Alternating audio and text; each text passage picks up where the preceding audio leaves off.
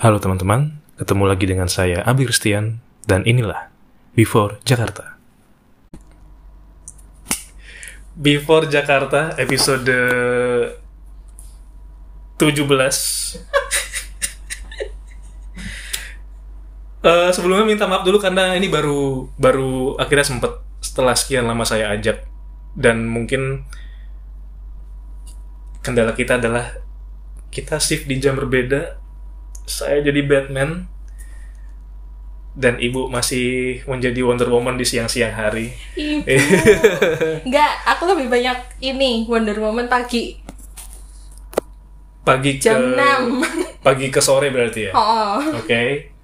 Bersama dengan saya kolega saya dari kuliah 2013 sampai sekarang ternyata dipersatukan kembali dalam satu kantor. Olin Daniel. Halo.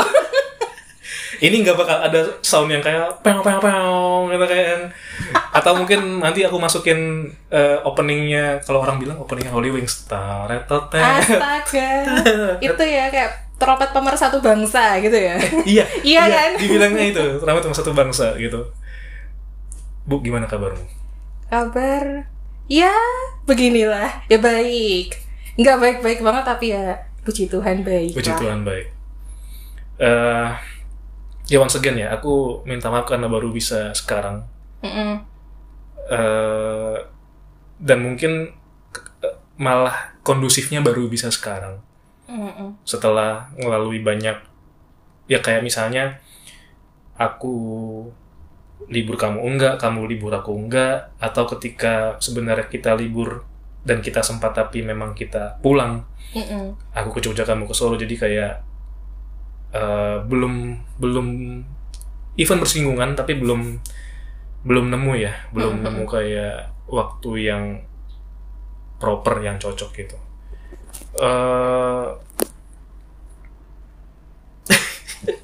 Kamu malah Eh, saya malah saya malah ini nih. Aduh, aduh.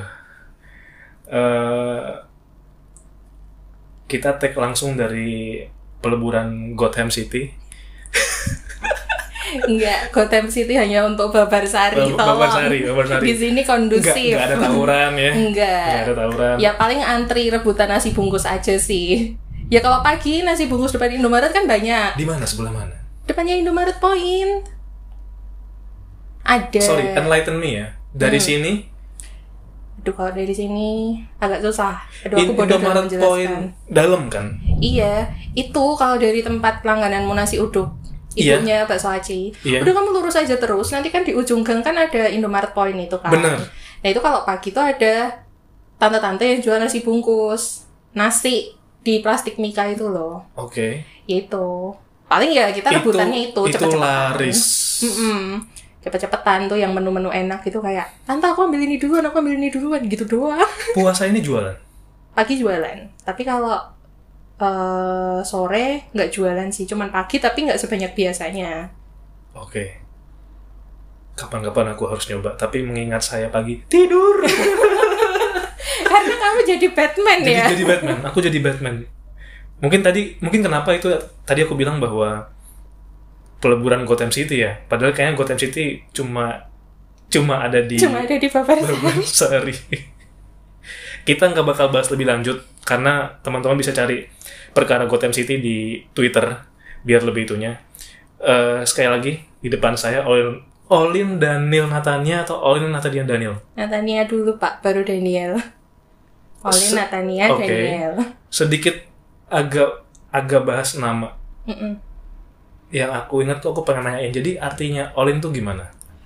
Jadi aku sendiri juga sempat menanyakan hal yang sama ke papa mamaku. Jadi tuh simply eh aslinya aku Mhm. tuh mau dikasih nama tuh Carolina. Carolina Natania Daniel. Aslinya? Aslinya. Cuman berhubung wah namanya Carolina tuh kayak udah pasaran gitu loh. Hmm. Apalagi kan emang eh apa ya? Itu nama yang common gitu buat teman-teman Kristen Katolik gitu. Betul. Ya kan kalau sama teman-teman yang muslim kan sama aja kayak nama Anissa, terus Nur, Iya, terus iya, iya. Koirunisa, Kairunisa gitu Iya. kan. Kayak- Terus habis itu kalau Oh, suatu hasanah juga Iya. banyak, banyak sekali. ada tiga. kenapa dua nama itu bener-bener sampai iya tiga ya Iya, sampai tiga. mereka tuh kalau di penamaan Jadwal tuh Di- ada tiga gitu iya kan. tiga terus kalau penamaan di sosmed kantor tuh sampai dalam kurung manggilnya Bener, siapa oh. Ana Wawa Mm-mm, mm-mm. Jadi kayak- sadar diri mereka tuh Iya. kayak, gitu. Terus? Terus karena kok WN sama Carolina tuh pasaran gitu. Heeh. Yaudahlah biar biar unik gitu, dicomot olinnya aja gitu. dicomot poinnya aja oke Mm, Dan sebenarnya namaku ini tuh eh, diambil dari namanya opa omaku. Jadi dari Carolinanya pap- itu dari papa. Eh. Carolinanya itu atau Olinnya itu dari namanya omaku. Iya. Nah, kalau Natanianya ini itu tuh dari namanya opaku. Opaku namanya Jonathan. ngambil Natannya terus iya. oke oke oke Nathan oke. versi cewek. Sedangkan kalau Daniel itu kan margaku gitu loh, marga Iya. dari papaku. Cuman emang nggak ditulis di akte kelahiran. tapi papa ditulis ya Heeh, kalau papaku ditulis. ya sama kayak orang tuaku Mm. ya bapak ada di KTP Simanjuntaknya Mm-mm. tapi bagi anaknya ya Abil Christian sama adikku Glorika Asiana secara apa sih namanya secara Akte. akte yang enggak ditulis Loh, tapi kan kamu ada loh. enggak enggak itu itu yang membuat dulu di dulu di kampus kalau kalau masih inget Leo Simanjuntak. Leo. Oh iya Kak Leo. dia sempat tidak percaya banget bahwa aku Simanjuntak. Sampai dia minta KTP ku dan dia bilang ini nggak ada tapi beneran aku Simanjuntak. Butuh beberapa orang teman untuk meyakinkan dia bahwa Abil Simanjuntak gitu loh. Serius? serius. Aku malah baru tahu loh. baru tahu. Dari kecil dari kecil. Aku terbiasa untuk mengakui ke orang bahwa aku Abil Christian Simanjuntak. Mm-mm. tapi memang eh, tidak ditulis di eh, apa namanya tadi akte Akte, akte eh, KTP, ijazah. kalau Oh. kalau kalau teman kita Joe kan ditulis kalau nggak salah tuh Oh. Gitu.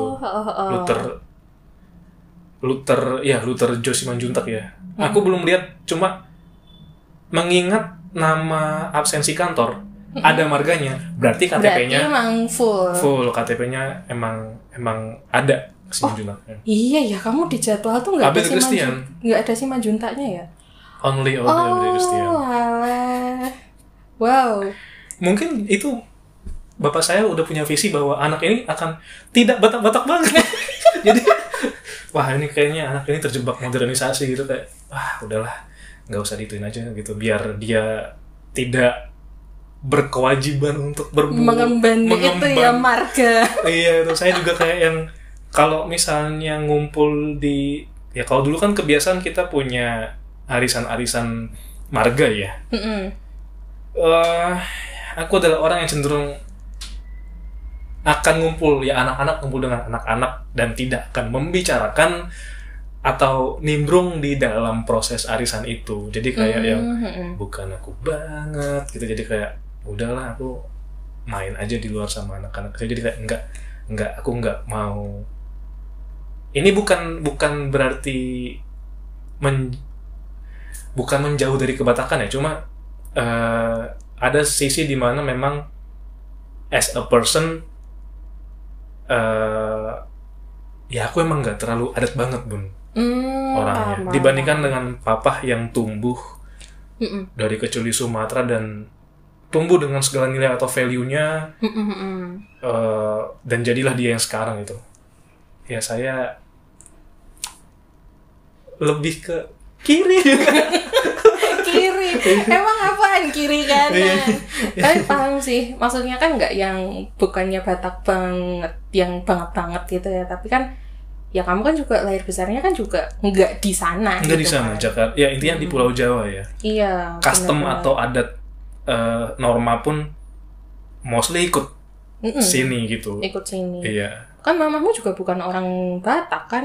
Ada Bataknya Nasution tapi ya juga nggak Batak. Ya gitu Iya, lah nggak Batak Ah, banget iya gitu kan, jadi ya udahlah gitu. Mm-mm. tapi sekali lagi acara-acara kayak arisan gitu aku selalu selalu ikutin. Mm, mm, mm, mm. Eh, cuman yang nggak engage banget gitu ya? Enggak engage banget. Ini gara-gara tadi kita ngomongin IR engage banget. Makasih. Masih ke bawah. Masih ke bawah. Aduh eh, aku sempat bilang kamu bahwa hari ini ya kita akan membicarakan banyak hal tentang, tentang kasih sayang ya. Cuma sebelum ke sana tuh kayak aku pengen apa ya, pengen tahu sedikit lagi latar belakangmu, Bu. Mm-mm. Eh, kita kuliah psikologi nih Mm-mm. eh, di Jogja, terus lulus. eh, dirimu ternyata kan punya apa ya, bisa dibilang punya karir di how should I say it kelembagaan psikologi itu gimana sih gimana oh, gimana kita bilangnya yang waktu aku jadi peer counselor. peer counselor Iya. Mm-mm-mm. Itu sebenarnya organisasi non profit sih. oke Jadi ini aku langsung ceritain aja. nggak apa-apa nggak apa-apa Nggak apa-apa. tadinya aku mau kasih pertanyaan random dulu tapi eh, otak saya terlalu random juga jadi udah cerita aja nggak apa-apa Aduh. sambil minum ya Iya minum lah. Aduh, jadi eh mungkin aku cerita dulu ya tentang berbagi cerita gitu. Jadi Iya, organisasinya berbagi gitu. cerita. Ah, Jadi kalau berbagi cerita, eh nggak apa-apa ini aku nyebutin apa-apa organisasi. nggak apa-apa nggak apa-apa Nah, jadi kalau misalnya, misalnya kalau kurang berkenan atau gimana, nggak apa-apa kan dikat. nggak apa atau intinya cerita aja yang memang eh, kan kita nggak bakal menyebut subjek-subjeknya Eh, tapi kalau kamu mau cerita tentang organisasi berbagi cerita ini adalah impactful buat kamu Mm-mm. bilang aja nggak apa-apa Oh ya udah. kan bukan bicara tentang Personnya ya. personnya atau Oke, kayak oke. wah ini nggak suka aku sama ini gitu enggak Oh, enggak, kita Iya. nggak julid kok hari ini. At least hari ini. At least hari ini, oke. Nggak tahu ntar kalau di podcast. Apa ya, kalau eh, sebenarnya kalau aku ceritain tentang organisasi ini, Hmm. ini tuh aku masuk tahun 2020. Iya, apakah itu sudah udah Oh, ada. kita kita tahu bahwa itu udah covid udah, Udah, ya? udah. Jadi sebenarnya aku tuh lupa-lupa inget deh. ini tuh mulai organisasinya ini mulai kapan? Mm-mm. Tapi waktu aku masuk tahun 2020 September itu aku anak batch 3 nih ceritanya.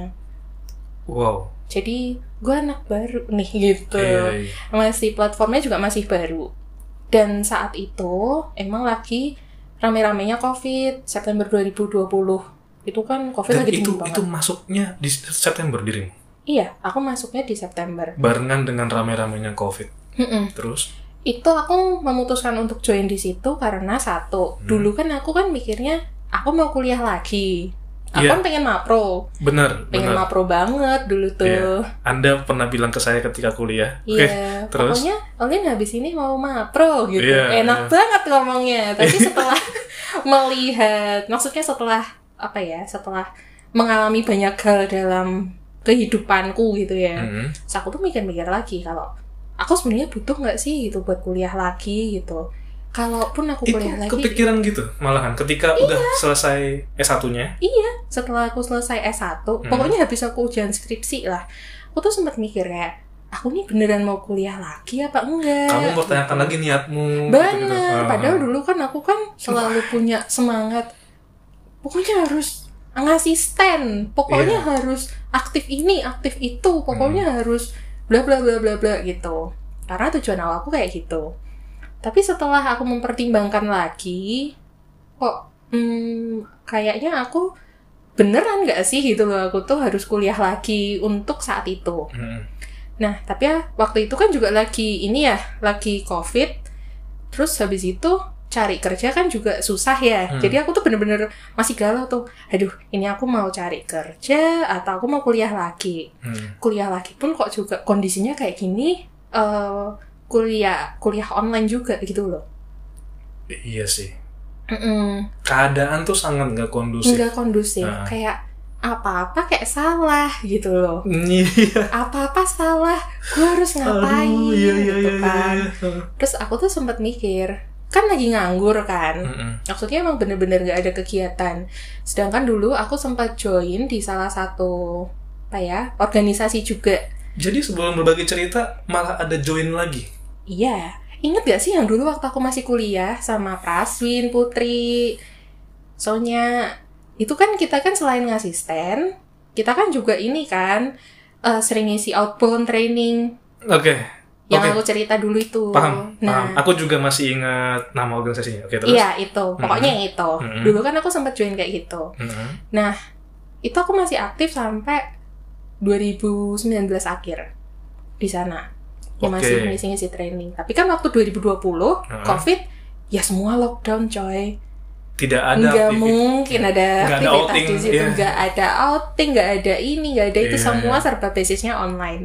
Iya. Aku tuh mikir kayak, aduh daripada nganggur nih ngapain gitu. Sedangkan untuk kuliah lagi kan juga apa ya? Aku sadar gitu loh kalau ya masa mau kuliah mapro, apalagi dulu kan aku incernya mapro klinis ya.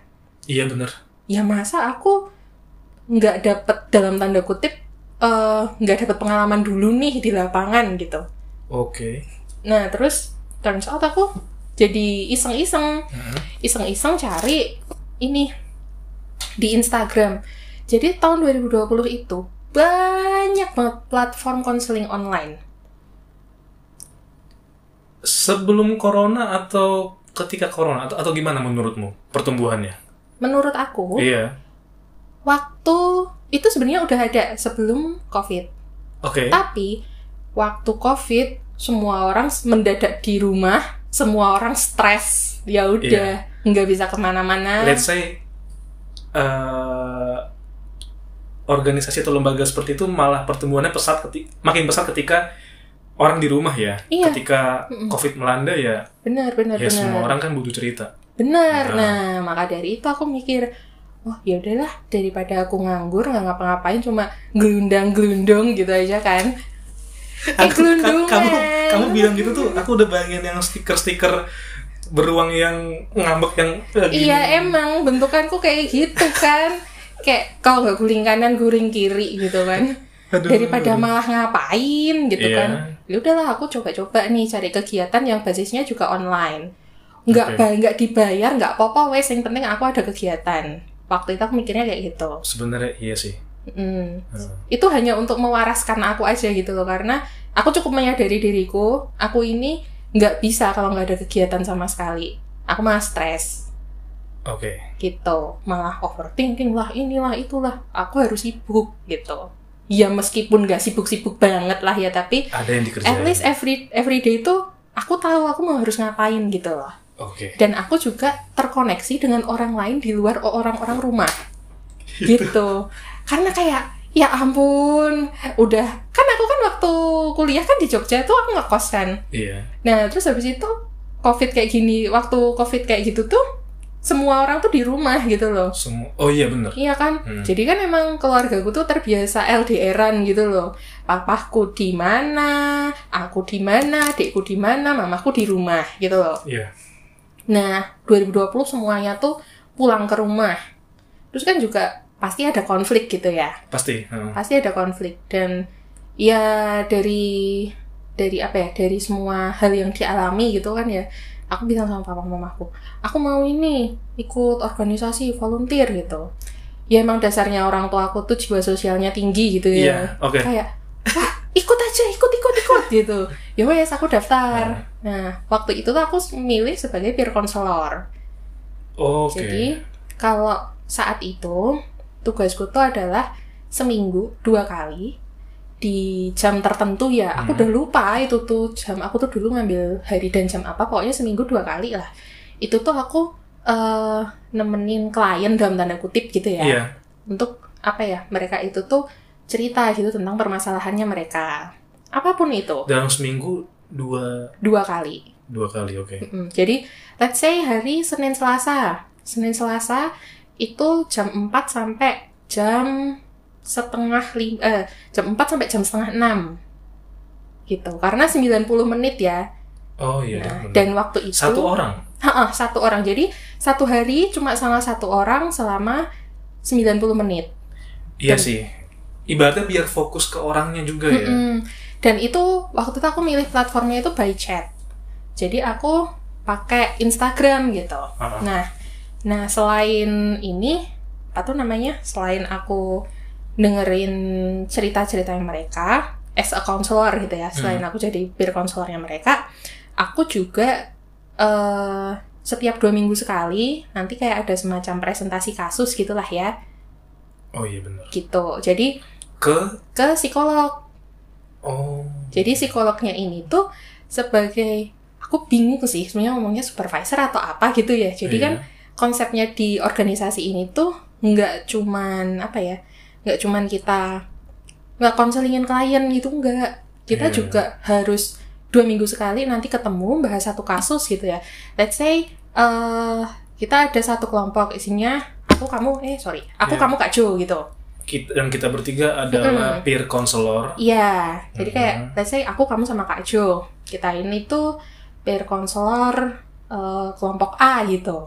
Nah, nanti tuh setiap hari Sabtu, minggu kedua sama minggu keempat kalau aku kalau aku nggak salah inget, itu kita akan presentasi salah satu kasus dari kita dengan nama klien yang disamarkan, Hmm.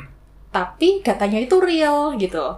Jadi kita nggak ngasih tahu nggak ngasih tahu nih username-nya yang mana, nama Paham. aslinya siapa. Tapi tapi yang kamu share adalah uh, Case-nya. Case-nya. gitu. Yes. Dan di case itu tuh kita dilatih juga buat semacam menganalisa Iya. sebenarnya ini tuh proses konselingnya kemarin itu gimana dan si kliennya ini tuh ada masalah apa gitu. Kita nggak diajarin buat ngasih diagnosa kayak Benar. ini depresi, enggak, nggak boleh, Nggak boleh. nggak boleh, Bun, Kita nggak kita boleh. kita kita even kita sarjana psikologi kita masih belum punya hak Bener. untuk ke sana. Tapi kan karena kita, karena kita itu S1 psikologi kan. Hmm. kemampuan kita itu benar-benar terbatas dan memang secara apa ya secara undang-undang HIMSI Iya. ya kita juga terbatas gitu kan. Wewenang kita terbatas. Wewenang kita terbatas. Hmm. Nah, jadi karena kita di tengah keterbatasan ini, kita ini tuh harus terus belajar. Iya. Nah, jadi ya itu tadi kayak presentasi, let's say eh, pakai case yang pakai klienku gitu ya, Hmm. yang hari Senin kemarin. Kita tuh mikir, kita tuh nyeritain ke psikolog secara garis besar. Ini tuh masalahnya ini apa?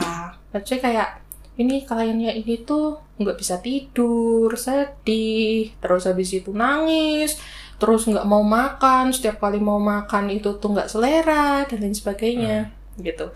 Ini sebenarnya orangnya ini kenapa gitu? Dan itulah yang kamu diskusikan dengan psikolog tadi. Mm-mm. Oh. Dan kakak-kakak psikolog itu bakalan ngasih feedback gitu loh. Oh kamu kalau kalau misalnya dapat klien yang kayak gini, kamu tanya dong, jangan cuma kayak di iya iyain aja gitu, Iya. tapi kan eh, ditanya lagi kan, ini harapannya apa setelah cerita sama kamu gitu Hmm. kan? Harapannya apa ya? Bla bla bla. Let's say harapannya itu aku cuma pengen eh dapat teman cerita gitu. Ya udah kita dengerin aja. Tapi kalau misalnya harapannya dia itu kayak aku pengen supaya hmm, aku capek nangis kak gitu. Dia Aku kepengen capek. tidak nangis lagi. Mm-mm, gimana ya supaya nggak nangis lagi? Nah itu kan berarti kan penanganannya kan berbeda. Bener. Dan kita itu sebagai peer counselor kita nggak bisa yang kayak dokter kayak langsung ngasih gejalanya apa mbak gitu tuh mual pusing muntah yaudah oke periksa 5 Iya. menit terus habis itu ini obatnya ya dihabiskan kan nggak kayak gitu ya ceritanya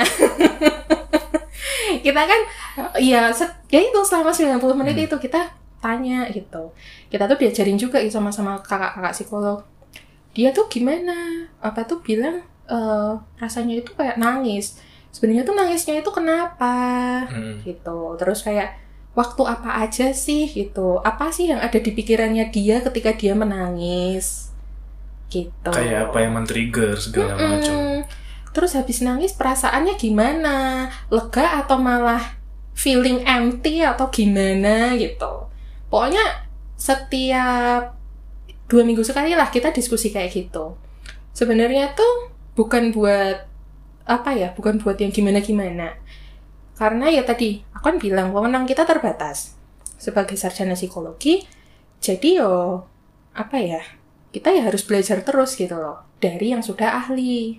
Hmm. gitu. Supaya ketika kita ketemu klien lagi ya itu tuh si klien tuh bisa feel better gitu loh. Dan kita juga nggak ngasal ngasihnya nggak ngasal dengerin aja terus habis itu oh gitu ya ceritamu ya wes gitu kan ya nggak mungkin ya gitu kayak Iya. gitu pasti kan kita kan juga apa ya membantu klien supaya meskipun dia nggak punya harapan yang spesifik seenggaknya kan apa ya si klien ini tuh bisa ngeh gitu kayak oh ternyata aku tuh sedih karena ini toh ibaratnya eh, ada ada kelegaan tersendiri setelah Hmm. cerita. benar dan kita kan juga nggak mungkin ya kalau kliennya tuh lagi nangis atau lagi bener-bener aduh ke trigger gitu. Tuh terus kita paksain kamu harus begini kamu harus begitu. Ya kan nggak mungkin gitu loh. Apalagi kan aku by chat toh dulu tuh. Dulu kan pakai chat chat Instagram. Oh iya, jadi aku tuh misalnya ada klien yang hmm, dia itu punya apa ya hal-hal yang cukup men-trigger dia. Apalagi yang udah taraf klien yang sudah melakukan self harm atau udah punya suicide ideation oke.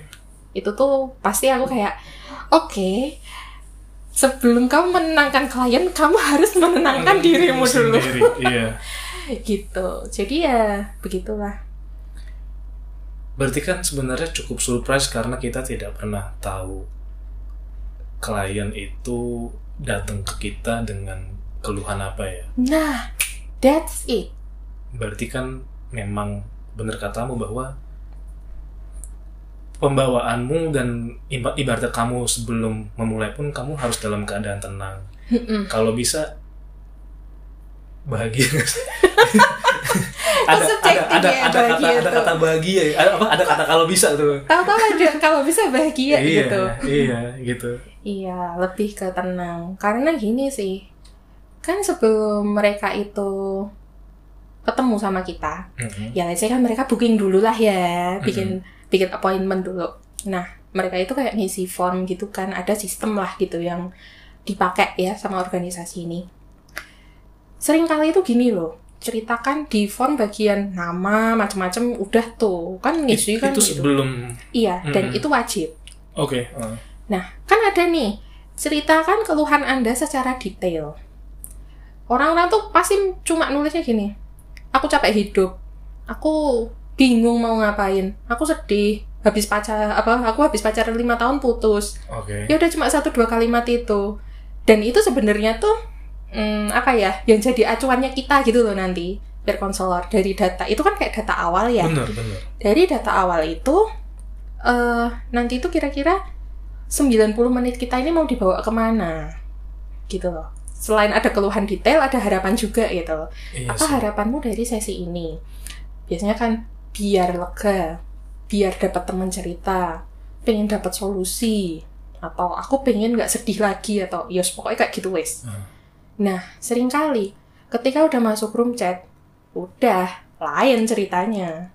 Atau misalnya ceritanya ya masih sama tapi di balik satu kalimat aku merasa sedih aku tidak berharga dalam hidup ini. Iya wah ini nih ini yang masih masih berkesan sih di aku. Waktu Iya. itu aku masih awal-awal. Mungkin Iya. aku sambil ceritain ya. Uh-uh. Eh, aku nggak mau ngasih tahu nama umurnya. Oh iya. Jangan jangan. Mm-mm, Uh-uh. jangan juga sih. Jangan juga. Pokoknya tuh adalah anak remaja. Uh-uh. dia itu tuh ya itu keluhannya tuh simple gitu loh. Ya aku kan juga eh, apa ya bingung gitu lah pokoknya kayak aduh ini aku mau nanyain apa? Kok feeling empty yang gimana?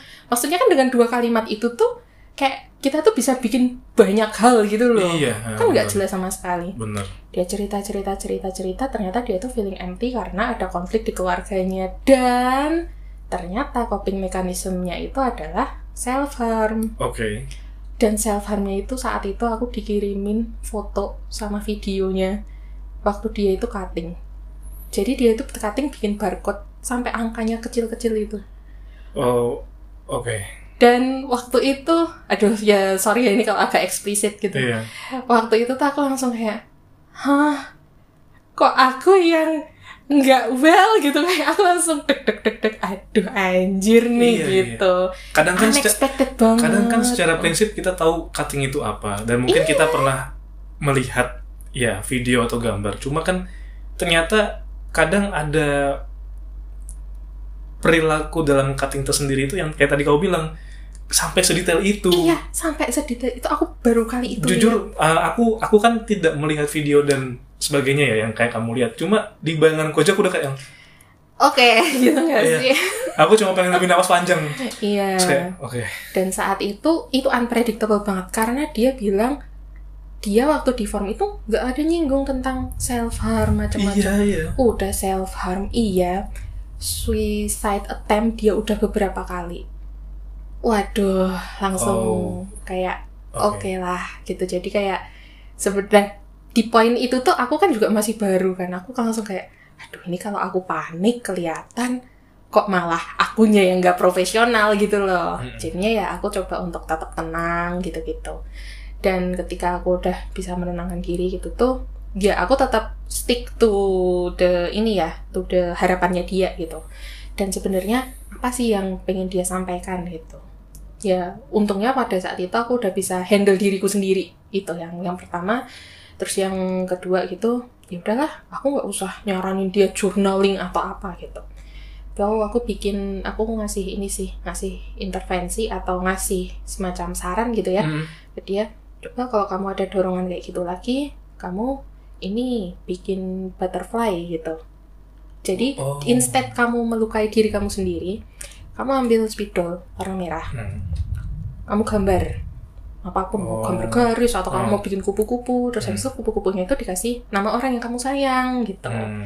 jadi supaya eh, ketika kamu tuh ada dorongan kayak gitu tuh apa ya secara secara otak secara kognitif gitu kan daripada ada kan merahnya kan sama ya Bener. merah ini sama merah darah Bener. nah itu dari jadi kayak menipu dalam tanda kutip otak gitu loh jadi ah ini instead of darah ini kayak oh ini udah sama-sama merahnya kok gitu tapi Metode ini aku baru Ini. tahu loh. ada gitu butterfly project atau apa gitu aku lupa Oke. gitu nah ya itu aku kayak gitu tuh dapetnya itu ya dari sesi dua mingguan sharing-sharing gitu Bahwa ternyata ada Hmm, ada treatment tertentu yang memang bisa kita sarankan. Benar. Dan kadang kan treatment gini-gini soal itu saya kita kadang nggak dapat pas kita belajar di perkuliahan. benar banget karena ini nih kayak apa ya sistemnya kita ini di organisasi ini kita itu PFA jadi kayak first aid-nya psychological first Hmm. aid gitu loh Oh oh ya benar-benar. Saya PFA PFA Apa yang gitu. bisa kita lakukan ketika? Iya uh, jadi kayak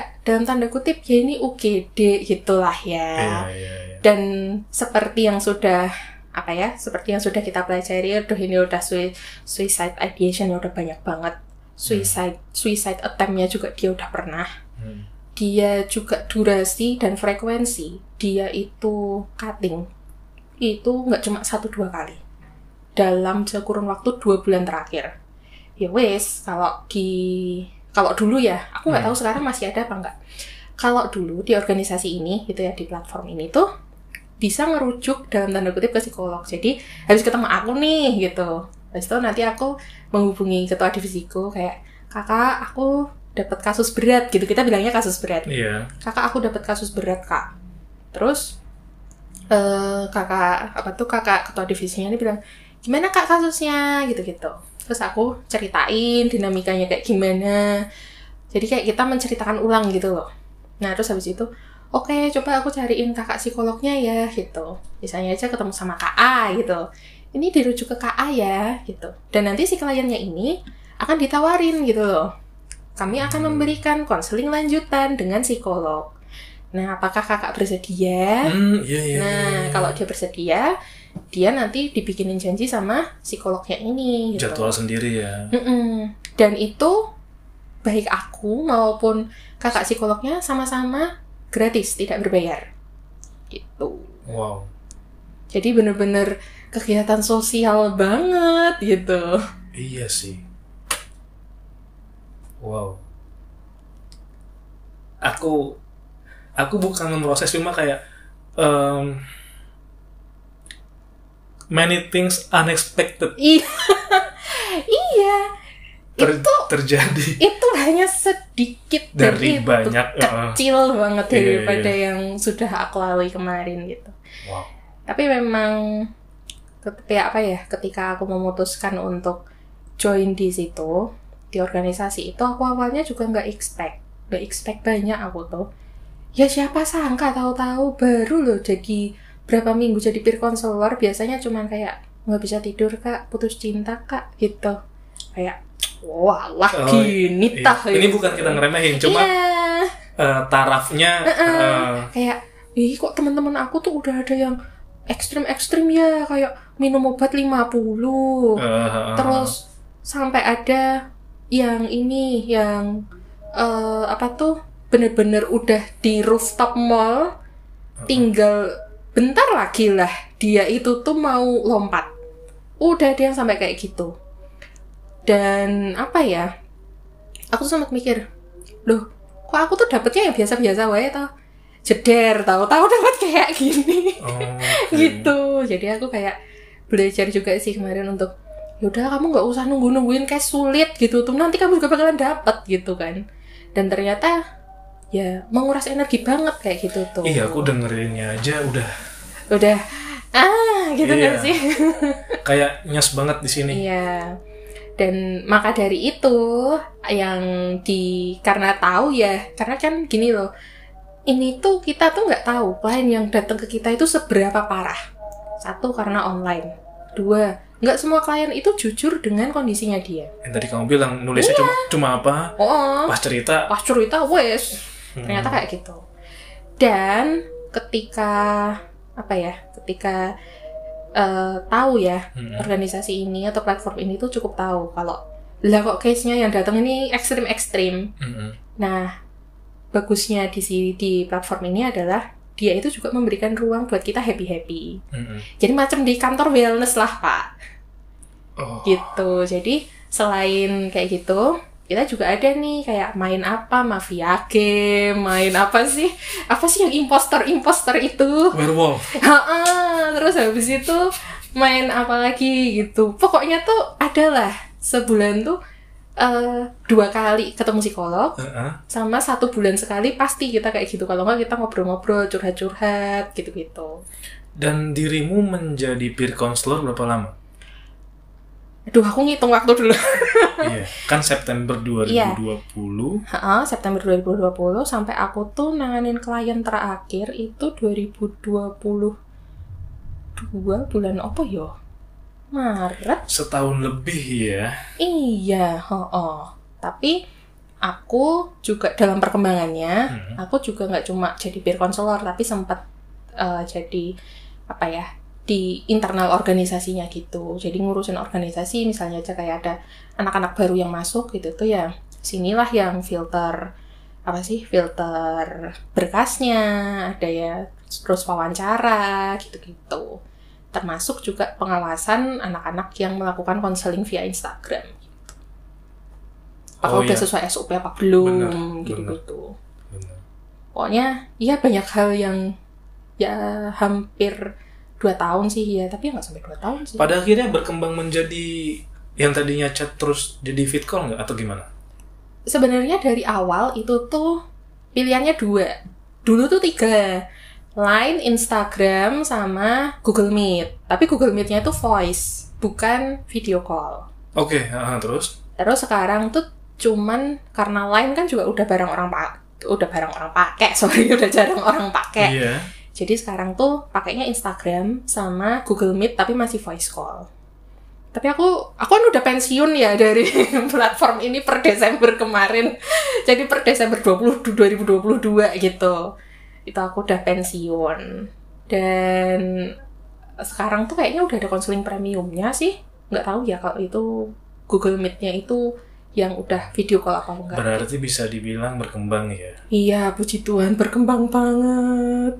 Dan aku seneng sih, maksudnya kayak eh, kemarin itu aku nggak menyesali hal ini karena ya meskipun case-nya berat-berat dan kayak bikin haheho gitu ya, tapi tuh aku sendiri juga ngerasa kalau ya ini meskipun organisasi volunteer Hmm. dan apa ya, udah volunteer online nggak dibayar Mm-mm. tapi capek Mm-mm. capek secara capek banget sumpah Iya, bisa Eh, bayangin aku tuh. heeh, secara emosi Iya. drain banget Drain gitu. banget. ah.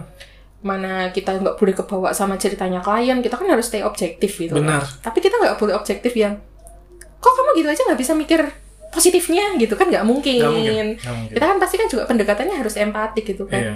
oh pernah nggak sih kak kamu itu berpikir gitu dari sisi lainnya apa sih eh, di balik kejadian ini gitu tuh. Kan kita kan nggak mungkin kayak nggak pernah mikir positifnya ya Hmm. gitu kan. Pasti kan kita perhalus kalimatnya dan jangan sampai si klien ini merasa kayak apakah kamu menyerangku kak? gitu. Kan nggak mungkin ya.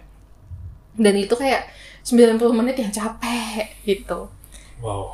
tapi aku bersyukurnya ya nggak cuman apa ya nggak cuman dapet capeknya tapi aku juga ketemu sama banyak banget teman-teman baru. Yang sampai sekarang pun meskipun aku udah pensiun ya masih apa ya masih keep in touch gitu loh. Masih kadang-kadang gosip bareng kadang-kadang masih chat-chatan atau kirim-kirim video TikTok yang lucu gitu. At least interaksimu dengan teman-teman peer counselor yang lain even sampai sekarang masih masih. Masih. Mm-mm. masih ada yang di sana. Masih beberapa temenku tuh bahkan ada yang dari batch satu aku tahu kamu kak respect.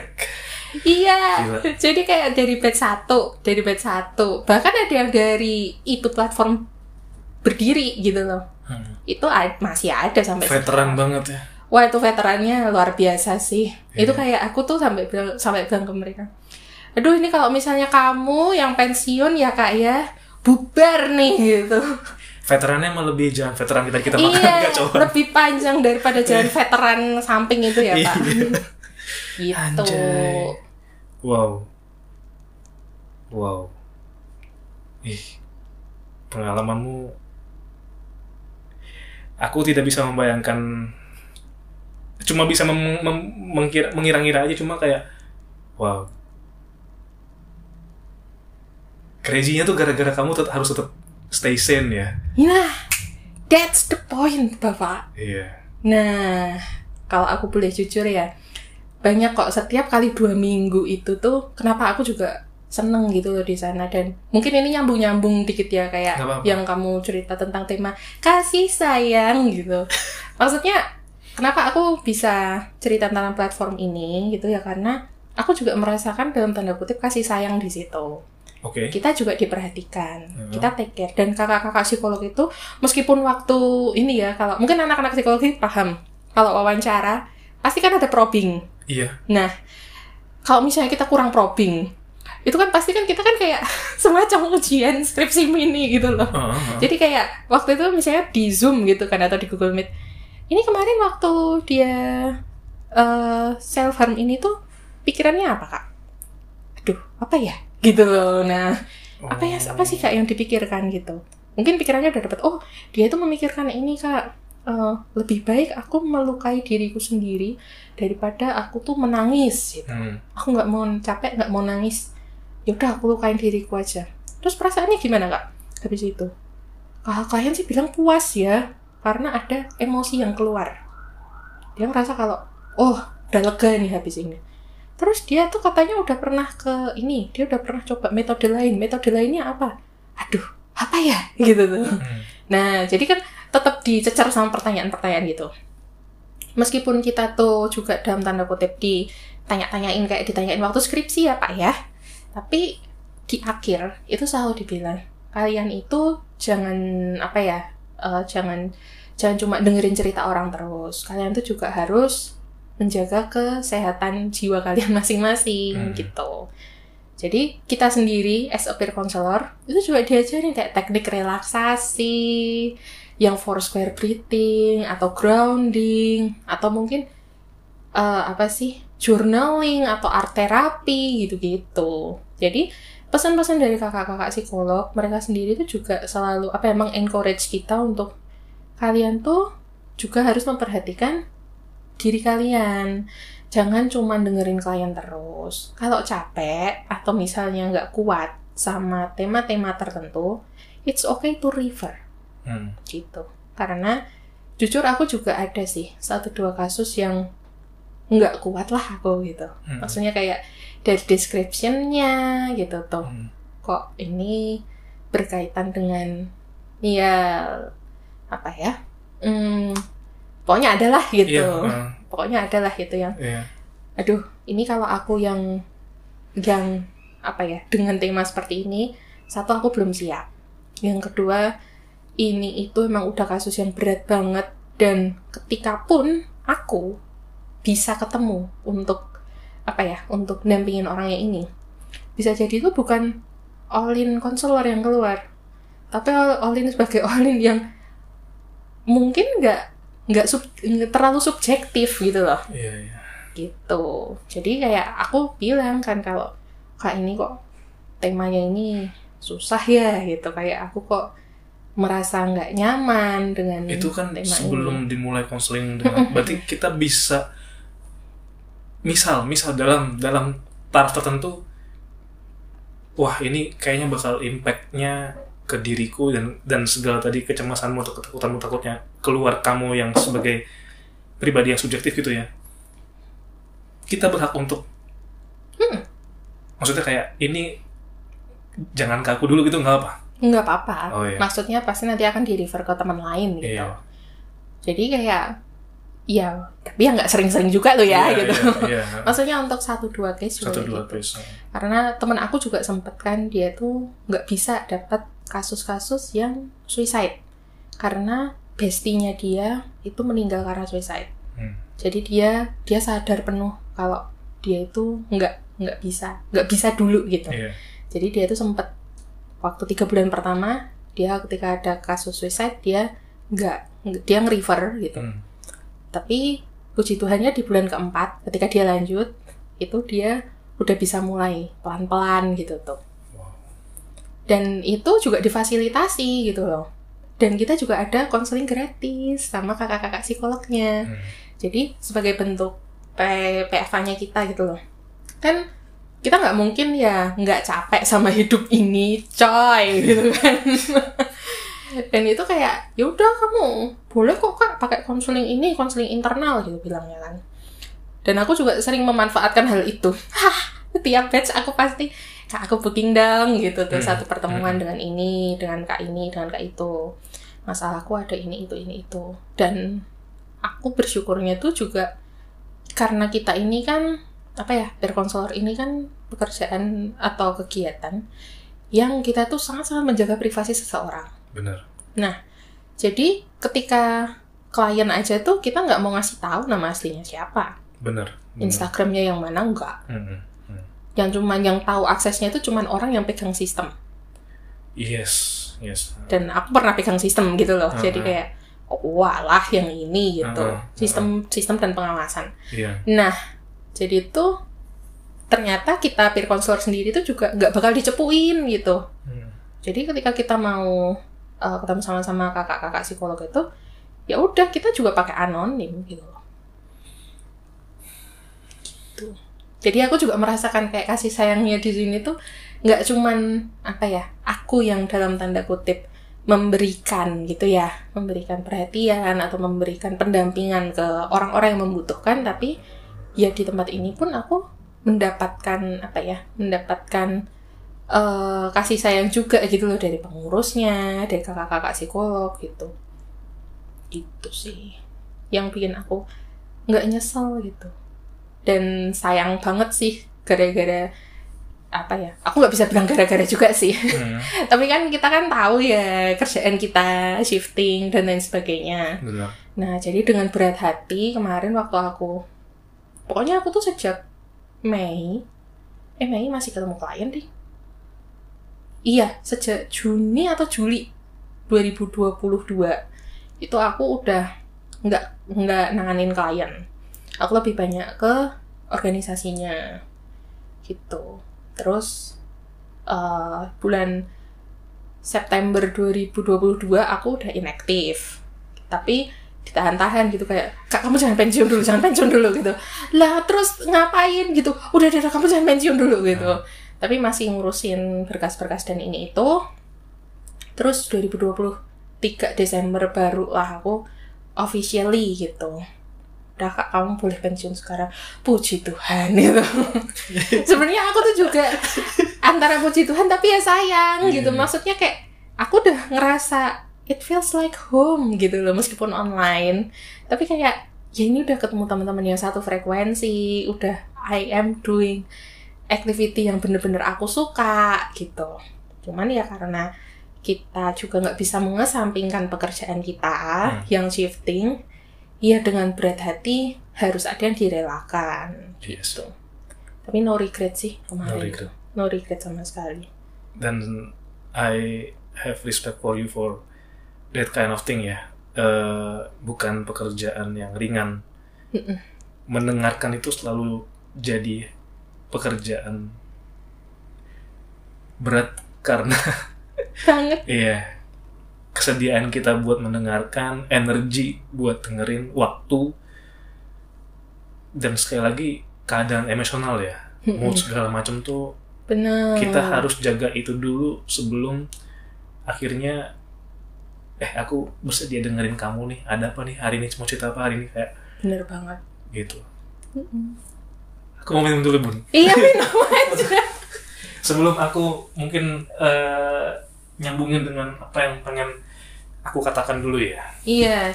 Ya ampun. Gila sih nggak aku nggak mengalami nggak mengalami nggak mengalami dirimu jadi konselor tapi 11 12 dengerin dan membayangkan udah iya itu capek. Iya tapi seru. Capek tapi seru. Seru. Aku tuh sebenarnya juga kangen kan kayak aduh sama nih gitu nggak dengerin cerita-cerita orang Heeh. yang ini itu gitu cuman ya ya udahlah ya, ya udah lah ya. kita kan juga sudah memilih tanggung jawab kita di kantor sebagai Yes. pekerja Yes. yang masuknya shifting janganlah memaksakan keadaan gitu Iya. Bentar, sebentar lagi aku mulai dulu, tar dulu. iya kamu mau ngemil nggak? Aku punya peye ada nextar ada. Ntar deh aku kasih suguhan. Kebetulan kita emang bakal buka warung, guys. bukan Iya. eh kamu mau roti nggak? Aku punya roti ini loh. Pisang tapi doyan nggak sih? Wah, ntar aja, Bu. Udah deh. Iya. mau yang coklat apa yang emas? Coklat aja kalau ada. banyak kamu mau ini nggak biskuit tunangan nggak biskuit enak tahu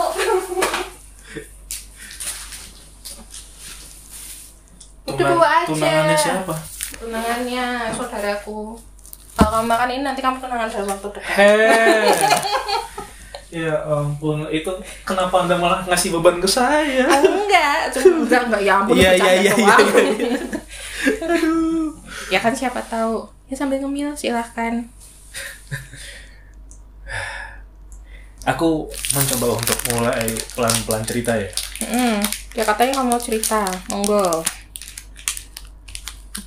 Poin di mana aku ngerasa juga bahwa dirimu orang yang ah kepengen ku, cerit- ku ceritain ini nih. Eh, kan kamu tahu aku pernah kena ISPA ya, Hmm. pernah divonis ISPA gitu. Eh, itu bulan apa ya? lupa Tahun lalu pokoknya. Heeh. Jadi ada momen di mana aku jatuh sakit. Eh, mungkin diawali dengan badanku yang tidak enak. Mm-mm. Aku masuk malam dengan keadaan greges dan sebenarnya adalah itu itu pilihan itu harusnya malah nggak aku lakuin. Karena turns out itu memperparah keadaanku.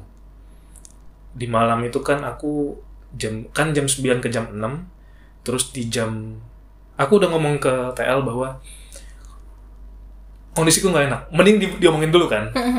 Benar. Takutnya ada kenapa-napa di tengah-tengah.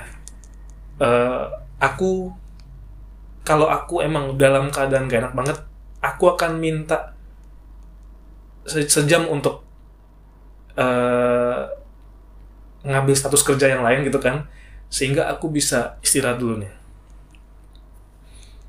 Tapi aku masih maksain diri buat masuk. Ketika aku malah disarankan buat IPC izin pulang cepat. Mm-mm. eh waktu itu yang ku pikirin ini akan ngerepotin aku karena paginya aku harus cari dokter dan aku harus ngasih surat. Mm-mm. Eh, sehingga aku bilang enggak ini akan ku teruskan sampai pagi. Karena kan paginya kebetulan aku juga cus Jogja. Selesai jam 6 jam 9 pagi itu aku ke Jogja buat pulang.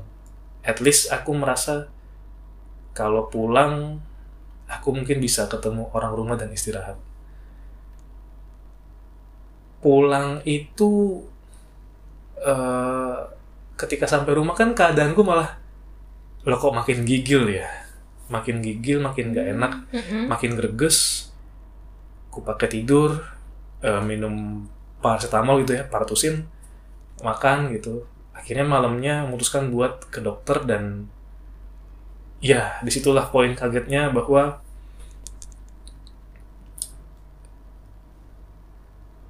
aku divonis ISPA dan di situ sebenarnya perasaan yang terjadi dalam diriku adalah aku nggak terima dengan itu.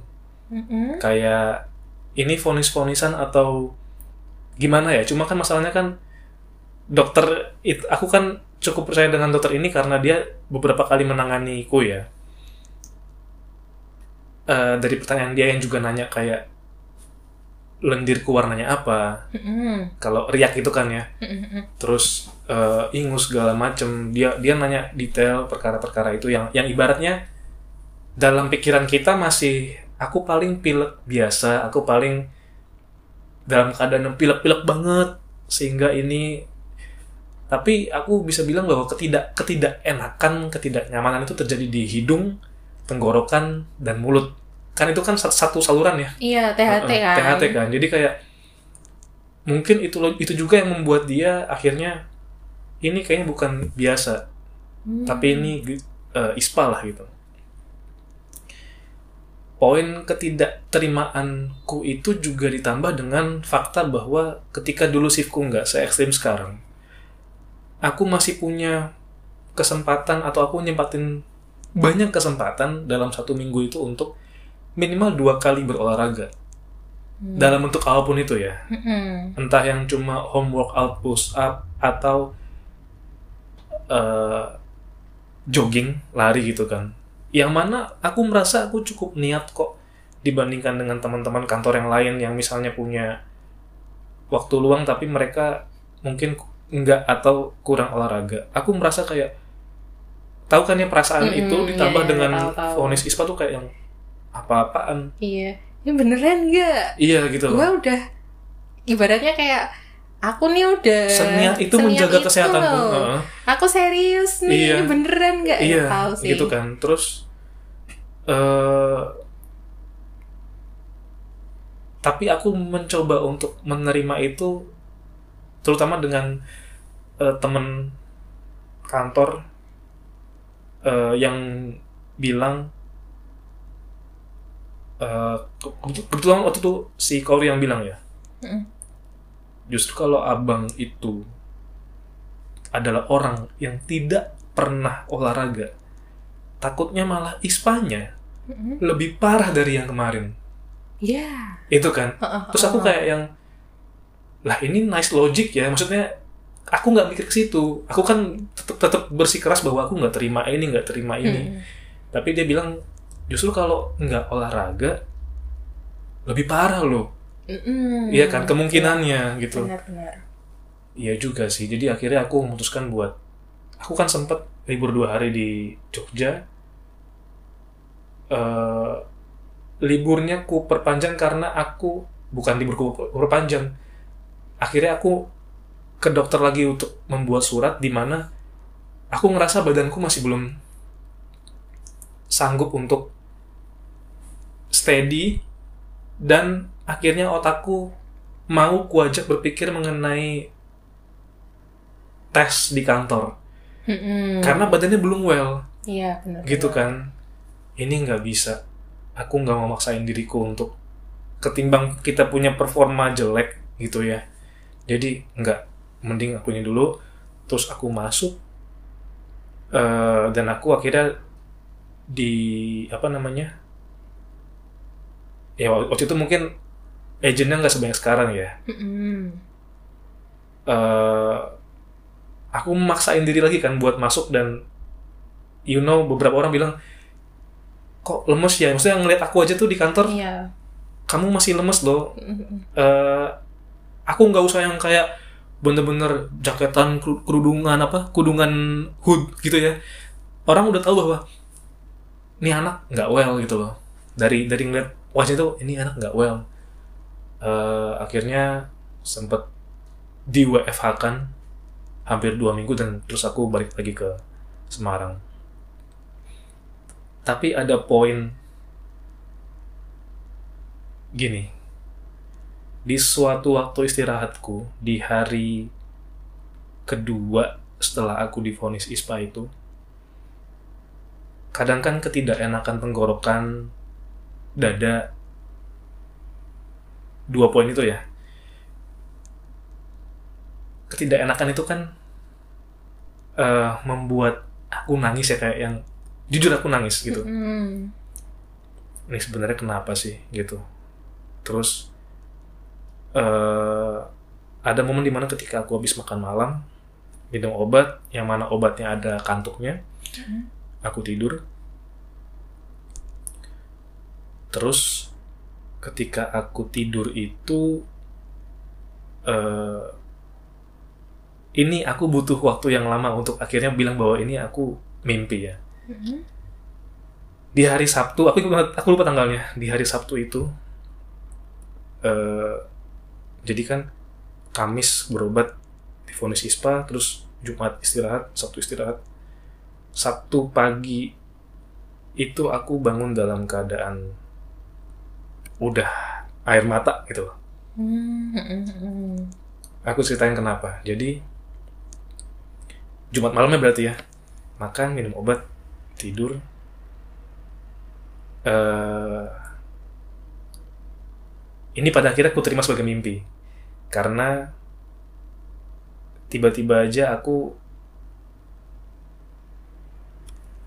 eh ada dalam keadaan yang paling bahagia menurutku Mm.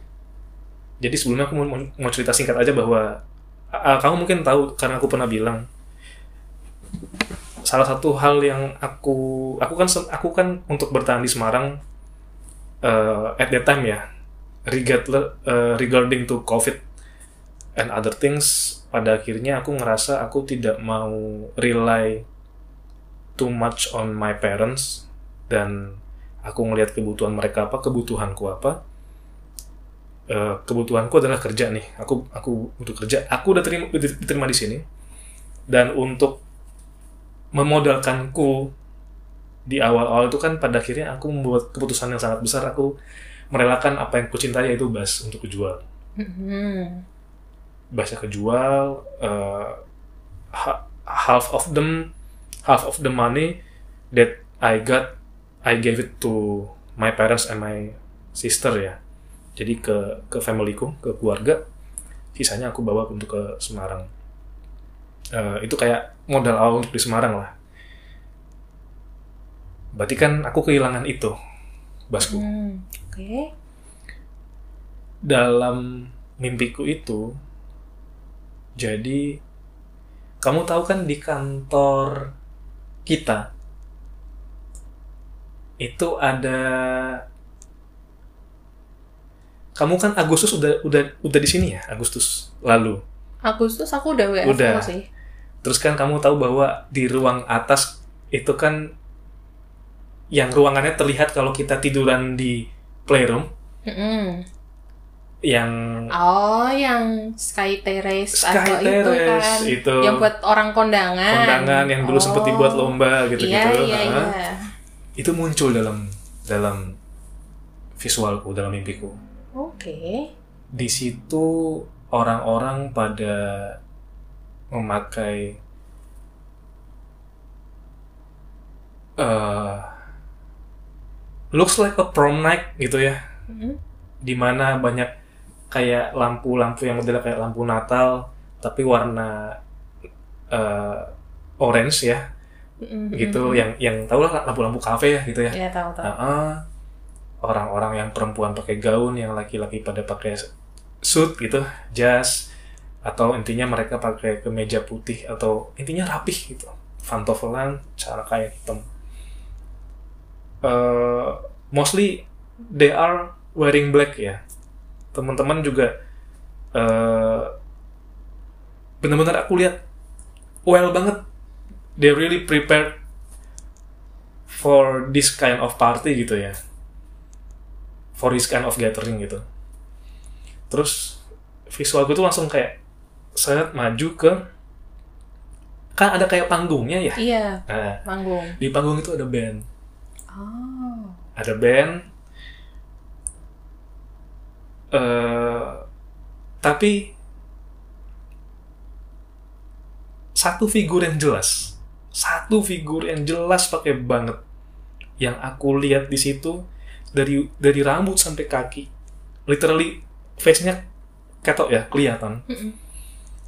Cuma aku Oh, di panggung. Jadi kamu kayak lihat dirimu sendiri itu tampil di panggung. di panggung.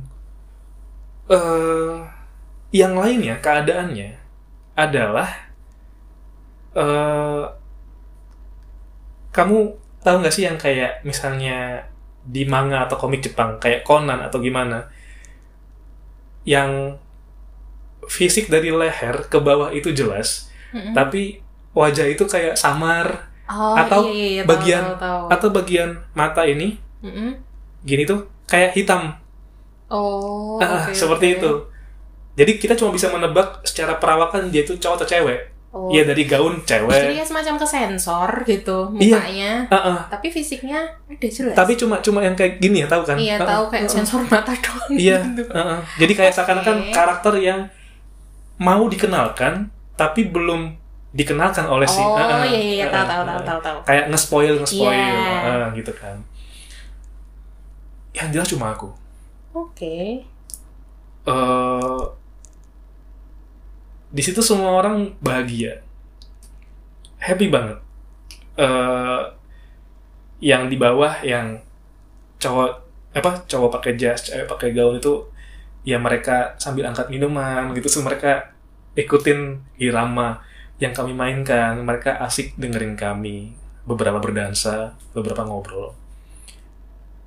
Aku di situ tadi yang tadi aku bilang, aku bahagia banget. Hmm, hmm. Eh waktu itu gak cuma visual yang aku bilang aku ngeliat aku posisinya adalah eh Abil Christian saat itu yang kulihat dia bermain bass Hmm, Iya. I see. dia bermain bass eh aku bahkan inget apa bass yang kumainkan itu adalah Ibanez warna hijau yang beberapa mungkin seminggu sebelum aku divonis ISPA aku lihat bass itu di marketplace. Dan kayak yang I think it's good to have this gitu. Wah kayaknya aku ngerasa cukup atau aku ngerasa bahagia nih kalau aku punya ini. Walaupun bukan satu merek dengan yang dulu aku punya ya. Kayak yang wah bass buatan Jepang cukup presisi aku enjoy banget dan kamu tahu apa yang makin membuat aku bahagia di saat itu Eh, aku memain kami sebagai band memainkan lagu Let's Marvin Gaye Gaye On Oh iya gitu. tahu tahu tahu. dan itu tuh udah kayak yang di klimaks lagunya menjelang akhir tapi ketika aku ngeliat aku yang bahagia itu sekali lagi ya, tadi aku bilang aku akhirnya men- menerima sebagai mimpi jujur aku sempat meyakini bahwa eh, aku cuma sampai sini aja nih Ah. I used to think that I died that day itu Hmm. Kayaknya kamu pernah bilang, kayaknya aku tuh pernah mikir apakah aku tuh udah lewat aja ya kemarin. Kamu pernah bilang Iya. kayak gitu dulu. dan ini ini ini, ini detailnya yang aku bilang aku merasa kenapa Abil Christian mer- merasa bahwa dia meninggal Mm-mm. ya tadi aku bilang ya karena aku bahagia di situ Hmm. dengan segala hal yang dulu aku punya Iya. eh, dan aku kayak mentransfer kebahagiaanku itu ya dengan musik itu ke orang lain gitu loh Hmm, hmm, hmm. dan lagunya itu Hmm. lagu yang literally juga aku dengerin dua tiga hari sebelum aku ispa diponis ispa terbangun dengan nangis air mata. Aku aku belum ngomong ke siapa pun ke maksudnya aku at the time belum ngomong ke mamaku atau ke adik gimana. Tapi menjelang aku balik ke sini ingat banget aku sehari sebelum aku balik ini pas aku masih WFH ya. Eh, pas aku masih di WFH kan. Habis mandi tuh aku bilang ke mamaku kayak ma jujur abang kira kemarin aku sempet selesai gitu. Aku nangis. Reaksi ibuku cuma meluk sambil nangis gitu. Kayak ya you know ya you know my mom lah. Terus yalah yang gitu. Terus wah kayak selama ini aku yang mungkin belum pecah lagi gitu. Ya aku pecah di kala itu kayak Mm-mm. karena at the time aku kayak udah yakin bahwa lo kok cuma segini aja sih? Masa perjuanganku dihentikan di sini? Eh, pada akhirnya mungkin itu juga jadi poin di mana anjir orang yang kena ispa pada akhirnya aku aku aku mengakui bahwa kenapa dia butuh istirahat karena di di aku sendiri aku deal dengan nggak cuma deal dengan penyakitnya tapi juga harus deal dengan ternyata keadaan mentalku seperti itu Iya. Ya it- itu yang mau aku bilang ke kamu kayak Walah. God damn, maksudnya kayak eh mungkin wujud nangis tuh juga bukan cuma merasa sedih bahwa lo aku udah langkahku tuh cuma sampai di, di sini aja nih, diberhentikan di sini aja nih. Itu kan kayak percakapan dengan Tuhan ya. Mm-mm. Terus nangisnya mungkin juga karena kenapa alam bawah sadarku setega itu memberikan memori yang sungguh amat indah tapi ketika it- aku bangunkan ya selesai ya memori itu. Itu. Iya, benar-benar. iya itu itu yang mau aku bilang ke kamu. Eh, setelah itu aku lupa apa yang mau aku sampaikan terkait hubungannya dengan kasih sayang. Tapi yang jelas gini Eh, aku kan waktu itu kan kayaknya juga merasakan bahwa so important untukku menjaga kewarasan ketika aku divonis ISPA maupun setelah itu ya Mm-mm. Uh, maksudnya kayak perjalanan bangkit dari perasaan-perasaan ketika ISPA gitu. Salah satu lagu yang ku dengerin, uh, aku nggak tahu kamu pernah men- mungkin pernah mendengar nama band ini namanya Morfem, band Indonesia. Uh, basically uh, sebenarnya ini band lama gitu. Uh, pernahkah kamu mendengar sebuah band namanya The Upstairs? Mm, not really sure. Not really sure ya. tapi tapi ntar mungkin aku tunjukin ya. Eh, jadi vo- eh, vokalisnya Morfem itu adalah vokalis The Upstairs. Oke. The Upstairs dulu lebih la- lebih lebih lama kalau nggak salah. Dia dulu yang yang buat lagu disco disco disco darurat gitu. Mm-mm. Eh, terus kemarin tuh aku dengerin lagu Megah Diterima. Nah itu tuh dalam tanda kutip lagu itu kayaknya kayak menyelamatkanku dari perasaanku yang eh, jatuh lebih dalam lagi ke dalam perasaan eh, aku sakit, aku ngelawan dan sebagainya gitu ya. Kayak membuatku untuk wah aku emang harus menerima ini sebagai salah satu proses sebelum akhirnya aku harus sembuh dan mulai lagi eh, apa yang harusnya aku lakuin yaitu bekerja lagunya itu judulnya megah diterima Mm-mm. eh kalau nanti aku setelin itu dia cukup cukup puitis sebenarnya. eh tapi itu, itu ntar aja. Aku aku kadang pengen ngomongin liriknya cuma liriknya cukup puitis tapi lagu itu cukup menyelamatkanku dari perasaanku agar aku nggak jatuh lebih dalam ke dalam perasaan-perasaan atau eh, emosi yang buruk ya. Jadi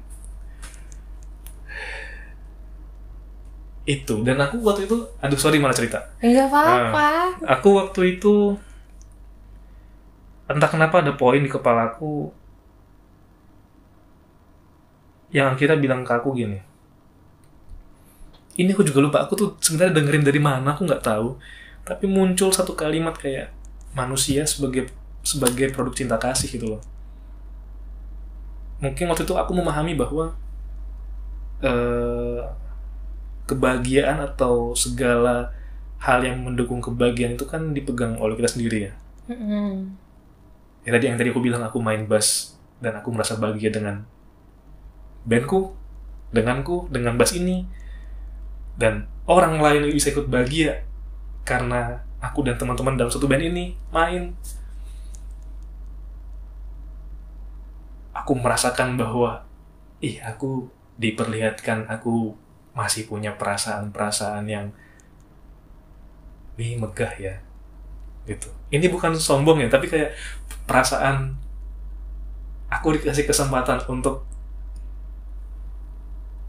mungkin kalau kembang api kayak piu piu piu. Iya iya kayak gitu Iya, kayak gitu paham, lagi paham, kayak gitu lagi jadi kayak eh aku menyadari bahwa aku masih dikasih kesempatan untuk merasakan kasih sayang dan memberikan kasih sayang itu juga ke orang lain. Jadi itu yang makanya yang aku bilang kok tiba-tiba kepikiran ya manusia sebagai produk cinta kasih. Ya, gitu. Aduh, sorry kalau sorry kalau sorry kalau kepanjangan. Ini ini Nggak ini mungkin apa-apa. ini mungkin ya, aku tahu ya kita su- sudah sering banyak cerita Iya. ya, tent- tentang our family and and things like that yang sifatnya intim atau gimana cuma mungkin ini yang yang maksudnya setelah sekian lama kamu nggak mendengar apa yang memang ku Iya. rasain tapi literally itu Bener banget. Kan ya gimana ya? Sini anak subuh, situ Batman gitu kan. Aku bakul sayur deh. Sedangkan kamu shift malam kan, kamu kan satpam ya. Jadi ketemunya tuh, ya bener kan kita ketemunya tuh kamu pulang, aku masuk.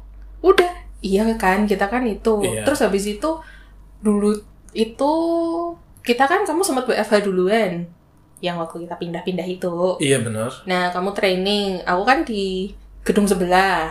oh iya benar Iya, jadi kita emang udah jarang banget ketemu gitu loh. Iya. Dan aku tuh juga sempat penasaran gitu, kamu bilang, aku tuh mau cerita waktu aku sakit kemarin gitu. Tapi ntar aja, lah kapan gitu iya kan. ah, iya ah, Pada kamu sakitnya kapan, ceritanya kapan. iya Tapi aku juga paham sih, maksudnya kayak, eh, aku sendiri kan juga pernah kena COVID gitu loh. iya. Yang waktu aku masih, sebelum aku ke Semarang malahan sebelum kan. di Semarang iya. Udah habis covid disusul dengan berbagai penyakit lainnya Oke. gitu kan. Tapi aku juga paham sih posisimu ketika apa ya ketika kamu ngerasa nggak enak di badan. Itu kan kalau aku sih emang nggak separah kamu. Tapi kan aku punya riwayat bronkitis. Iya. Wah jadi ketika ka- ketika covid kemarin udah tuh rasa sakit di badan tuh bukan sekedar batuk pilek biasa Iya. bukan sekedar sak nafas biasa gitu loh. Maksudnya kayak ada aku I feel you juga gitu loh. Ah, dan emang benar kita harus disuruh istirahat. Dan juga benar juga tadi kan ya kalau eh, awal-awalnya tuh kan kita pasti ngerasa kayak denial gitu loh kayak hmm, masa sih beneran kah? gitu. Hmm. Padahal aku udah ini itu kok nggak bisa gitu loh nggak bisa dong aku udah apa tuh aku udah olahraga aku udah jaga kesehatan aku udah ini itu ya wajar gitu untuk ngerasain denial Benar, tapi kalau kita denial terus-terusan ya apa enggak nanti kita yang Iya kan? semakin semakin itu gitu maksud loh. aku tapi ya untuk nerimo dalam tanda kutip Iya, iya. kondisi kita itu ya nggak nggak sekedar kayak wes tau kamu nerimo wae gitu kan nggak bisa gitu kan maksudnya ya nggak apa-apa gitu loh dengan apa yang sudah kamu alamin ceritamu itu kan juga proses untuk menerima dan bahkan sampai bangkit lagi itu kan Hmm. emang nggak mudah gitu loh Iya. harus sampai nangis-nangis segala Iya. gitu kan Iya. it's okay nggak masalah Itu itu yang aku bilang eh, ini ini yang mau aku share ke dirimu ya. Aku nggak nyangka aja bahwa dalam keadaanku yang pilu waktu itu, eh, aku bisa nemuin kebermaknaan tersendiri. Mm-mm, gitu. bener-bener literally kayak apa sih apa sih? Dulu dipenuhi dengan pertanyaan itu kayak apa sih? Kenapa harus gini? Wah tapi aku ngerasa orang-orang di sekitar. Dan apa yang ku dengar apa yang ku baca apa yang ku lihat tuh ah aku terima kasih karena masih menyelamatkanku bener banget. Gitu sih. Dan juga sebenarnya tuh karena kamu kan juga di rumah WFH gitu kan apa ya ya kamu juga bisa bertahan dan bisa disupport juga dari kasih sayang orang-orang rumah gitu loh aku Iya. kayak yang sometimes kita kan selama di sini kan kayak udah waktu kita WFH gitu kan ya mungkin kita kan juga di rumah tapi kan kita sibuk kerja gitu. Sedangkan kan kalau kita WFO kan ya mungkin nggak kerasa gitu ya kayak iya sih. Aduh ini jam segini biasanya mama papa udah pada tidur tapi aku masih kerja dan lain sebagainya gitu kan. Dan ketika di rumah bisa ditemenin bisa ini itu. Bener sih. Wah wah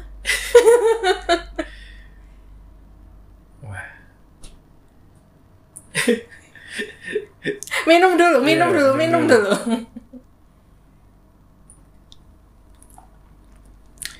Anjay, itu sih yang yang kurasain banget.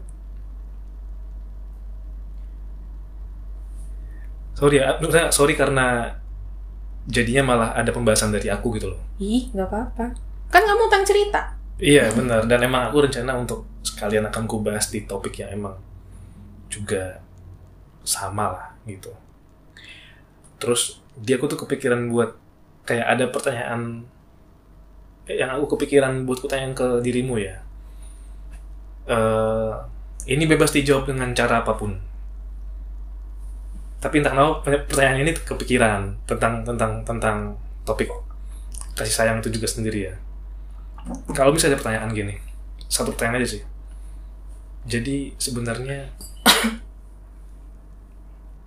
ini konyol tapi kepikiran ya. Apa sih? Sebenarnya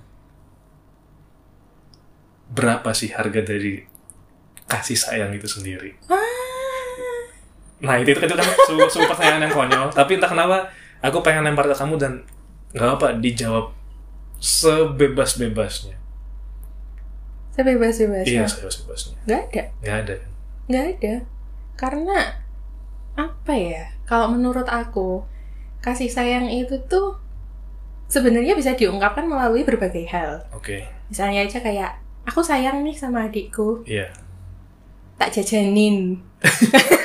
Iya oke. Tak jajanin. Kamu mau makan apa? Kamu mau minum apa? Aku mau chat time. Aku mau baju. Aku mau ini. Ya wes aku sayang sama kamu tak kasih kan bisa kan ya dalam Bisa. bentuk materi. Tapi at some point yang kita butuhin tuh bukan itu gitu loh. Yang kalau menurutku loh ya kasih sayang tuh ya ya apa ya? Nggak cuma sekedar duit dan barang. Ya meskipun itu sama membahagiakan ya. Tapi ya sampo at some point ya ya kayak apa ya? Dukungan atau kayak sekedar ketika kamu sedih atau kamu lagi sakit atau kamu lagi down banget. Ada orang yang nemenin kamu Hmm. etis nanya kayak apa tuh? Kamu butuh tisu nggak? Atau kamu mau cerita apa? Oke. Atau kamu mau ini apa? Kamu tuh pengennya gimana? Dan dia bisa dengerin kamu tanpa judgement. Hmm. itu udah kasih sayang menurutku. Dan itu tuh kayak ya ampun nggak ada nggak ada apa ya? Nggak ada pembandingnya gitu loh. Gitu. Ini aku nggak sok romantis atau gimana Iya, ya? paham, paham. tapi karena aku sendiri juga sempet kok ngerasain kayak eh, mungkin ya aku sedikit cerita ya kan. Eh tadi kan aku sempet di awal bilang keluargaku tuh kan keluarga LDR ya. Karena emang papaku sendiri itu ketika aku umur dari aku kecil itu tuh eh sering ditugasin ke luar pulau maupun Mm-mm. luar negeri Bener. dalam jangka waktu nggak cuman satu dua hari tapi bertahun-tahun Yes. dan kadang-kadang juga pulangnya dua minggu atau satu bulan kalau misal kalau waktu kecil dulu kadang-kadang eh papaku nggak pulang tapi aku sama mamahku yang ke sana yang nyamperin. nyamperin gitu dan aku sendiri juga kenapa aku bisa bilang kayak gitu ya karena gini dulu itu kan eh, kasih sayang orang tua gitu ya. Eh, apalagi kayak papaku itu tuh nggak eh, dulu tuh sering kali itu kayak ngasih dalam bentuk materi gitu. Kalau aku misalnya aku dapat ranking pasti dapat boneka Barbie. Gitu kan dapat boneka Barbie. Kamu mau apa tak beliin? Gitu gitu. Tapi ya seiring berjalannya waktu pun juga apa ya aku tuh mulai disadarkan gitu loh. Kalau oh sayang itu tuh nggak cuma ngasih Barbie doang gitu loh. Aku juga butuh nih kayak misalnya aku sakit dianterin ke dokter Hmm. atau atau aku sakit terus di apa ya diperhatiin gitu-gitu. Dan aku juga ngerasain kok kemarin waktu aku ya itu waktu aku eh, udah ngumpul semua di rumah. Jadi kita ini bener-bener literally ngumpul di rumah tuh tahun 2020 empat orang selama ini tuh kayak mencar-mencar doang. Paling sempet sih kayak papaku tuh kerja di Solo itu waktu aku umur berapa ya? Iya dari tahun 99 deh. 99 sampai 2000 2000 piro toh? 2007 atau 2006 gitu loh. Itu itu tuh papaku stay di Solo cuman emang kadang-kadang dua minggu ke mana dua minggu ke mana gitu loh. Ditugasin dari kantor. Terus habis itu kan tapi waktu itu kan aku juga masih kecil gitu ya. Tapi aku bener-bener ngerasain kasih sayang yang ini nggak cuma sekedar materi itu ya ketika aku sakit kemarin itu. Waktu aku sakit covid itu kan. Jadi yang kayak apa ya orang tuaku yang selama ini sibuk atau kayak orang tuaku yang selama ini tuh kayak perhatiannya tuh cuma ngasih duit doang gitu. Tahu-tahu tuh bilang kayak kamu mau makan apa? Gitu Hmm. tak masakin gini gitu.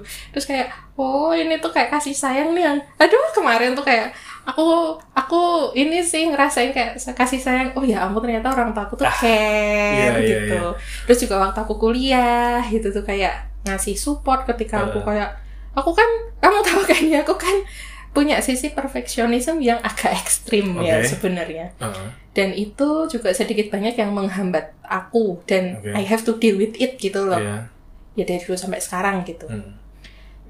kadang-kadang tuh kayak dukungannya dari papa mamaku yang bilang kalau ya udah toh yang penting kamu udah coba ya udah toh nggak apa-apa kayak misalnya belum sesuai dengan target yang kamu iniin gitu loh nggak masalah dengan hal itu kayak itu tuh pun juga udah kasih sayang gitu loh bentuk penerimaan. Dan itu tuh kayak ah, bukannya sombong atau gimana tapi nggak setiap orang bisa mendapatkan hal itu. Iya. gitu. Apalagi ketika denger cerita orang-orang yang sampai punya konflik yang sebegitunya gitu ya dengan orang lain gitu kayak ya apa ya bikin aku eh, lebih bukannya bersyukur gara-gara kayak oh kamu kayak gitu ya gue aku nggak kayak gitu gitu tuh. Bukan kayak gitu sih tapi lebih ke kayak ya aku bersyukur karena ternyata dari terlepas dari apa pun yang sudah terjadi gitu ya di dalam hidupku aku nih masih ngerasain kasih sayang gitu loh. Masih ada kedamaian masih ada perhatian yang nggak cuma sebatas materi aja gitu. Gitu. Ini kenapa aku bilang makasih sayang nih kalau di di apa ya digambarkan gitu ya itu seberapa sih nominalnya? Nggak ada. Iya. ya kalau pakai duit sih ada. Ya kalau duit kan jelas. Tapi kalau hal-hal di luar itu yang sifatnya emosional nggak. Nggak ada. Karena ya ya mau digimanain. Mau gimana? makanya kamu inget nggak? Kalau seminar-seminar parenting. Ah, orang tua harus memberikan kasih sayang gitu-gitu. Tuh ya Iya. karena jujur ya dulu aku mikirnya kayak heleh ngono kuwi. Apa sih? Kayak sempat skeptis gitu. Tapi enggak ternyata begitu. Kamu ngeh gitu tuh ya bener gitu. Apalagi kalau di masa-masa pertumbuhan dan perkembangan anak ya mau jadi psikologi perkembangan banget ya ya tau lah ya psikososialnya Erik Erikson ya, oke. ya pokoknya sing kuwi lah Ah. gitu emang ya kasih sayang itu nggak ada nggak ada nominalnya Nggak ada alias yang bentuk nggak ternilai ya. iya apalagi yang bentuknya emosional gitu Iya. eh di pihak-pihak kayak gak iso lah Mah di pihak pihak oke, bener. Mm-mm. Sembari kayak tadi tadi kamu cerita siapa ngomong-ngomong tuh ngobrol-ngobrol cerita tuh kayak ya jadi keinget orang rumah sih ibu gitu mama. Eh, tapi itu akan jadi obrolan maksudnya keinget keinget aja keinget biasa aja. Kadang keinget lagi kayak ada ada ada lagu, lagu tersendiri yang wah kok makin ingetin aku sama rumah gitu ya cuma gitu aja sih aku kan gitu doang habis ini pulang Wah jangan dong aku sih besok Jumat pulang iya, saya memutuskan buat belum dulu. Tapi kalau bisa di bulan depan, uh, I would love to go home. Gitu. Bu, eh ada hal yang mungkin ingin kamu ucapkan, ungkapkan? apa ya? Em, harus hubungan sama kasih sayang nggak sih? Baiknya sih iya ya. Anjir. Em, apa ya? Ntar aku mikir dulu ya banyak hal di kepalaku. Waduh. iya loh. Hmm. Apa ya? Oh paling ini aja sih last ini ya. Last oh, last speech kayak apa aja. Paling pesan pesan pesan pesan terakhir. Di Iya, iya. uh-uh. ya itu tadi kayak kasih sayang itu tuh nggak ada nilainya dan nggak selalu melulu tentang uang. Jadi kalau memang apa ya mungkin kita ngerasain kayak aku tuh nggak pernah disayang sih gitu. Hmm. coba lihat lagi lah gitu beneran nggak disayang atau selama ini kita tuh disayang dan mendapatkan kasih sayang tapi kitanya nggak ngeh. Karena mungkin selama ini kita terlalu sibuk. Diperhatiin kitanya diperhatiin kitanya diurusin tapi kitanya tuh kayak oh ya udah sih itu hal yang biasa gitu. Kadang-kadang tuh ya itu simple things gitu aja tapi ketika kita bener-bener ngerasainnya bener-bener kayak paham ini tuh bentuk perhatian bentuk kasih sayang. Beda wes. Gitu. Dan juga apa ya ketika kamu udah ngerasain kayak eh, kasih sayang gitu ya itu tuh ya kamu boleh gitu loh kayak memberikan kasih sayangmu perhatianmu atau materi gitu ya ke orang lain. Tapi first kasihilah dan sayangilah dirimu sendiri. Bener. itu karena aku bisa ngomong kayak gini karena sudah apa ya banyaklah hal yang di dalam hidupku gitu tuh. Ketika aku sendiri apa ya ngerasa kalau aku tuh pingin care sama orang lain tapi kalau kamu nggak care sama diri kamu sendiri juk piye gitu loh. Ya sama kayak tadi kan. Mungkin kamu seneng gitu loh kalau ada orang tuh apa ya kamu bantu kamu seneng bantuin orang kamu suka dengerin cerita orang tapi ya tetap take care of yourself Iya. karena gimana sih ibaratnya aduh aku jadi mengutip salah satu kakak psikolog deh Gas. Nggak apa, nggak apa, nggak apa. Eh, aku tuh lupa aku tuh lupa lupa inget detail analoginya gimana tapi itu kayak gimana kita mau ngasih kopi ke seseorang gitu Oke. ya kalau kita sendiri tuh nggak punya cuma mbok kayak apa Oh, ngono iya, iya, iya. jadi ya take care of yourself gitu loh kalau kamu capek ya istirahat Hmm. kamu butuh temen buat cerita ya cerita kamu marah-marah ya marah-marah ya tapi jangan sampai merusak ya gitu Hmm. maksudnya kayak salurkan atau apa ya semua perasaan yang kamu rasain gitu tuh ekspresikanlah ungkapkanlah dengan cara yang masih aman tidak ber, tidak berbahaya gitu ya tidak membahayakan diri sendiri maupun orang lain. Butuh teman cerita profesional ada banyak konselor psikolog gitu. Nggak usah malu nggak usah takut. Pokoknya kamu kamu dan kalian kalian kalian kalian. Pokoknya itulah take care of yourself first. Gimana gimana sih kita mau ngasih ngasih apa yang ngasih perhatian dan kasih sayang kalau kita itu nggak bisa memperhatikan dan menyayangi diri kita sendiri self care itu perlu. Gitu. Nggak cuman self care manjain diri mani pedi pakai kuku ini ya. Atau nyalon krimbat atau pijat di Aluna gitu. Enggak this is not sponsored by Aluna. Iya. tapi ya ya itu tadi. Maksudnya self care nya nggak nggak melulu jajan makan enak atau gitu-gitu ya. Hmm. self care nya ya ya ya itu tadi mau istirahat eh, mau istirahat ya istirahat tidur ya tidur Hmm. gitu butuh cerita ya cerita lah Mengetahui apa yang kita butuhkan dan ya kira kita gimana kita mencarinya itu ya. Hmm, Iya sih.